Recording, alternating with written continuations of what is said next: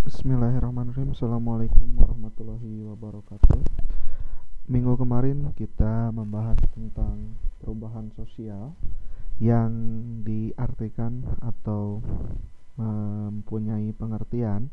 Menurut Selo Sumarjan Perubahan sosial adalah segala perubahan pada lembaga-lembaga kemasyarakatan Di dalam suatu masyarakat yang mempengaruhi sistem sosialnya termasuk di dalamnya nilai-nilai, sikap, dan pola-pola perilaku di antar kelompok-kelompok dalam masyarakat. Pada pertemuan kali ini, Bapak akan mereview kembali pembelajaran dua minggu ke belakang, satu minggu ke belakang, dua minggu yang belum tatap muka dan masih berada di rumah masing-masing dikarenakan beberapa hal akan mereview tentang perubahan sosial tersebut. Tadi sudah dijelaskan pengertian perubahan sosial itu adalah perubahan yang terjadi pada lembaga kemasyarakatan yang merubah sistem sosialnya atau mempengaruhi sistem sosialnya termasuk nilai-nilai, pola perilaku dan lain sebagainya. Tentu yang kita rasakan sekarang adalah sebuah perubahan sosial dikarenakan sebelumnya kita menjalankan kegiatan belajar bahkan dua tahun sebelumnya kita menjalankan kegiatan belajar secara normal dan sekarang tiba-tiba berubah. Nah itu sistem sosialnya berubah pola-pola perilaku berubah di antara kelompok maupun di masyarakat. Ada beberapa teori perubahan sosial di antaranya teori evolusi dan teori revolusi mungkin ya. Kalau teori evolusi itu menggambarkan pola pertumbuhan dan perkembangan masyarakat serta kebudayaannya seperti organisme berkembang secara perlahan-lahan mulai dari tahapan yang penting, sederhana menuju tahapan yang paling sempurna. Jadi teori evolusi itu adalah perkembangan yang lambat, perlahan-lahan dari yang terbawah, yang paling sederhana dan menjadi tahapan yang paling sempurna. Prosesnya teori evolusi itu secara linear dan secara multilinear, secara siklus. Nah, ada tiga prosesnya evolusi itu. Secara linear berupa garis lurus yang menanjak terjadi secara serempak. Terus secara multilinear pertumbuhannya tidak serempak terjadi di banyak wilayah. Masing-masing masyarakat dan kebudayaan manusia berevolusi sendiri-sendiri. Arah perkembangannya juga tidak jelas teori secara siklus, proses pertumbuhannya mirip yang linier, tapi bentuknya berputar seperti siklus. Perubahan masyarakat dan kebudayaan pada suatu tahapan mengalami perkembangan pasang surut. Nah, itu beberapa proses terjadinya teori evolusi atau di dalam perubahan sosial. Ada beberapa teori ada beberapa proses secara linear, multilinear, dan secara siklus. Secara linear itu serempak dalam suatu wilayah seluruhnya berubah gitu, menanjak lurus. Secara multilinear perubahannya tidak serempak. Jadi ya dia di wilayah A sudah berubah berevolusi, wilayah B masih dalam tahap evolusi gitu.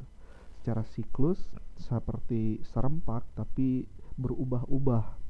Ada yang berputarnya cepat, berubahnya cepat, ada yang lambat seperti itu. Terus dalam perubahan sosial tadi ada teori-teori perubahan sosial. Sekarang teori fungsional. Tadi teori evolusi, sekarang teori fungsional. Teori fungsional menyatakan bahwa setiap unsur masyarakat memiliki fungsi yang saling terkait dengan unsur masyarakat lainnya Perubahan pada suatu unsur akan mengakibatkan terjadinya perubahan pada unsur lainnya.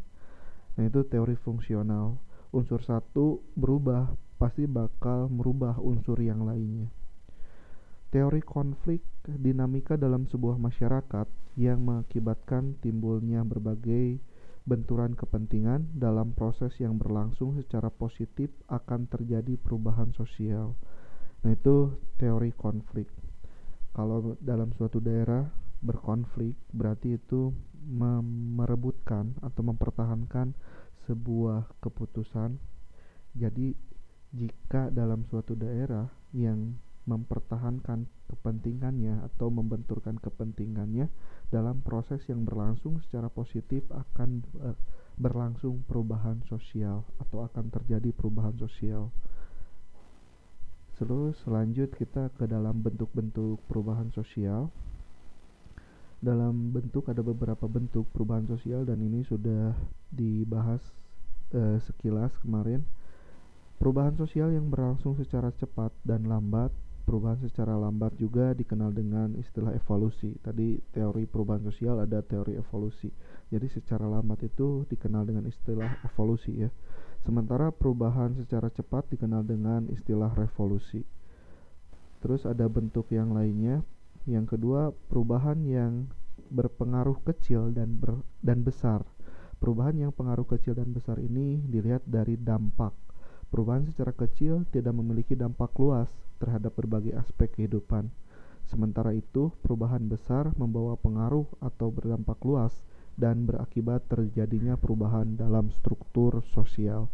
Jadi secara kecil itu mungkin cakupannya dari keluarga, teman. Kalau dampak secara besar mungkin perubahan sosial, dampak secara besar itu pemerintahan ya. Jadi dampaknya secara luas dan berpengaruh dalam perubahan struktur sosial. Yang ketiga, bentuknya perubahan yang dikehendaki dan tidak dikehendaki. Perubahan yang dikehendaki merupakan perubahan yang direncanakan berdasarkan kehendak dan kepentingan orang banyak, sementara perubahan yang tidak dikehendaki secara insidental dan tiba-tiba dan berdampak merugikan. Ada beberapa faktor yang mempengaruhi perubahan sosial, faktor geografis, faktor kependudukan, faktor teknologi dan industri, Empat, faktor kepemimpinan dan ideologi politik. Faktor geografis tentu perubahan yang disebabkan oleh alam, contohnya contohnya bencana alam atau perubahan cuaca yang ekstrim. Faktor kependudukan bertambah atau berkurangnya jumlah penduduk tentu bakal mempengaruhi perubahan sosial. Tentunya berpengaruh di bidang sosial ekonomi. Faktor teknologi dan industri ditemukannya teknologi baru dalam bidang pertanian atau bidang kehidupan lainnya ini sangat berpengaruh dalam perubahan sosial di masyarakat. Faktor kepemimpinan dan ideologi politik, perubahan-perubahan sosial yang tidak ada tidak jarang dikarenakan munculnya seorang tokoh atau mampu menggerakkan masyarakat ke arah pembaruan dan perbaikan. Jadi setiap pemimpin, setiap tokoh di pemerintahan pasti mempunyai perubahan-perubahan atau ketidaksamaan. Nah, ini mempengaruhi perubahan sosial yang ada di masyarakat juga. Ada beberapa faktor pendorong dan penghambat terjadinya perubahan sosial. Yang pertama, faktor pendorong terdiri dari dua macam, yaitu yang berasal dari masyarakat atau yang kita disebut internal dan di luar masyarakat. Faktor internal bertambah atau berkurangnya jumlah penduduk. Yang kedua, penemuan unsur-unsur budaya baru atau inovasi. Yang ketiga, terjadinya konflik dalam masyarakat. Faktor eksternal yaitu perubahan situasi geografis akibat bencana alam, adanya invasi dari negara lain, yang ketiga adanya kontak atau pengaruh budaya asing. Nah, ini beberapa faktor yang mempengaruhi atau mendorong perubahan sosial, faktor internal dan faktor eksternal. Ada faktor penghambat dalam perubahan sosial faktor alam, misalnya letak wilayah yang terisolasi. Yang kedua, faktor kemiskinan baik struktural maupun kultural. Yang ketiga, faktor budaya tradisional, misalnya adat istiadat yang serba kaku dan irasional, berserah kepada takdir dan lain-lain. Selanjutnya, proses perubahan sosial. Mereka yang sulit menerima perubahan umumnya berasal dari generasi tua, seperti pemimpin adat atau orang-orang yang hidupnya relatif sudah mapan. Sementara itu, mereka yang mudah menerima perubahan umumnya berasal dari generasi muda. Dinamika sosial mereka lebih terbuka dan memiliki kecenderungan berinovasi dengan hal-hal yang baru.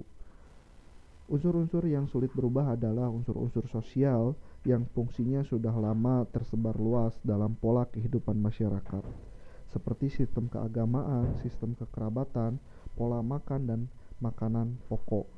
Unsur-unsur sosial yang mudah berubah adalah unsur sosial yang fungsinya sudah tidak sesuai dengan perkembangan zaman seperti sarana dan prasarana, teknologi, dan pendidikan.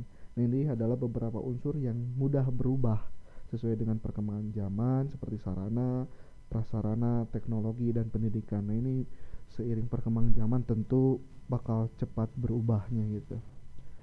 Ada beberapa proses perubahan sosial yang bisa berlangsung dalam beberapa bentuk, yaitu difusi dan bentuk akulturasi. Difusi ini merupakan proses penyebaran unsur sosial ya budaya dari seorang individu kepada individu lain dalam suatu masyarakat atau antara suatu masyarakat dengan masyarakat lainnya.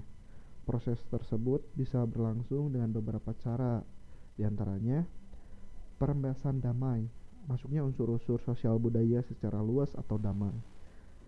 Perembesan paksa melalui kekerasan, maksudnya unsur-unsur sosial budaya secara paksa melalui melalui kekerasan. Ada beberapa contoh yang seperti itu bisa kalian cari dari beberapa sumber atau bisa langsung tanyakan kepada saya nanti. Selanjutnya ada simbiotik. Simbiotik ini dampak dari masuknya unsur-unsur sosial budaya, di antaranya simbiotik mutualistik, simbiotik parasistik. Mutualistik saling menguntungkan dan parasistik yaitu masyarakat pendatang merugikan masyarakat setempat. Ada dalam pembelajaran biologi mungkinnya simbiosis mutualisme dan simbiosis parasi, parasitisme gitu sini juga ada simbiotik mutualistik dan simbiotik parasistik. Selanjutnya akulturasi. Yaitu akulturasi bisa menyebabkan proses perubahan sosial bisa berlangsung dalam beberapa bentuk ya. Bentuknya akulturasi adalah proses sosial budaya yang timbul apabila suatu kelompok masyarakat yang memiliki kebudayaan tertentu dihadapkan dengan unsur-unsur sosial budaya luar saling berbaur sedemikian rupa tanpa menghilangkan ciri khas dari masing-masing kebudayaan yang bersangkutan. Akulturasi ini juga kita pernah bahas di kelas 10 yaitu dua budaya baru yang tidak menghilangkan budaya lama gitu. Saling berbaur. Asimilasi ini ada selanjutnya ada asimilasi proses budaya yang terbentuk dari dua kelompok masyarakat yang berbeda latar belakang kebudayaannya. Mereka saling berinteraksi sedemikian rupa dalam waktu yang relatif lama sehingga menghasilkan kebudayaan baru yang berbeda dengan kebudayaan asalnya. Tentu kalau asimilasi itu penggabungan dua budaya yang menghasilkan budaya yang baru atau bentuk yang baru. Ada selanjutnya akomodasi merupakan proses pereda, perbedaan ketegangan dalam penyelesaian suatu konflik atau perselisihan. Akomodasi di sini adalah suatu keadaan tenang di mana pihak-pihak yang berkonflik mengadakan upaya-upaya penyesuaian dan peredaan ketegangan. Ini beberapa pembelajaran atau materi sudah kita bahas di kelas 11. Akomodasi kelas 10 juga akulturasi asimilasi. Beberapa dampak perubahan sosial bagi kehidupan masyarakat. Ini ada dampaknya, ada dampak negatif dan tentu ada dampak positif. Setiap perubahan akan memberikan dampak bagi kehidupan masyarakat berupa dampak positif ataupun negatif. Dampak positif sering juga disebut sebagai perubahan yang progres, di mana kehidupan masyarakat akan menjadi lebih dinamis dan integratif. Sementara itu, yang bersifat negatif bisa juga disebut dengan perubahan regres, yang berakibat pertentangan ke arah disintegratif. Dampak positif yang mungkin timbul di antaranya perbaikan di bidang pendidikan, perubahan di bidang teknologi, perubahan di bidang industrialisasi. Tentu ini merupakan dampak positif dari perubahan sosial. Selanjutnya dampak negatif nih dari perubahan sosial.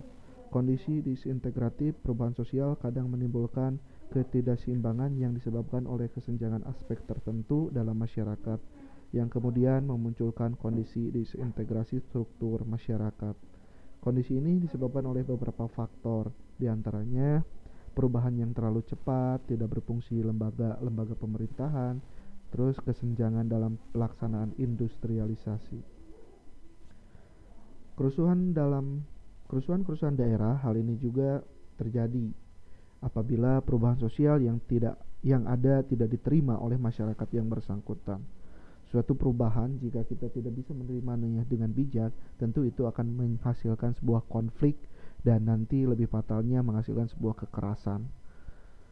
Yang pertama, penggolongan kerusuhan daerah di antaranya penyimpangan terhadap ideologi negara bersifat separatisme, yaitu keinginan untuk memisahkan diri dari NKRI, bersifat sara, suku, agama, ras, dan antar golongan upaya menanggulanginya nih terhadap pihak-pihak yang melakukan makar dan para pelaku anarkis dan kriminal diberlakukan tindakan hukum yang tegas sesuai dengan hukum perundang-undangan yang berlaku.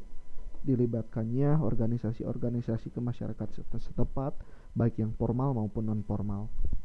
Yaitu bisa menjadi upaya atau meminimalisi kerusuhan daerah. Nah, ada ini adalah beberapa materi yang kita bahas di beberapa pertemuan sebelumnya. Ini menjadi sebuah ringkasan atau rangkuman dari pertemuan sebelumnya. Mungkin bisa kalian dengarkan dan simak beberapa penjelasan tersebut. Jika kurang paham, jangan sungkan-sungkan untuk bertanya langsung kepada saya atau beberapa cari di beberapa sumber. Tetap semangat. Jazakumullah. Assalamualaikum warahmatullahi wabarakatuh.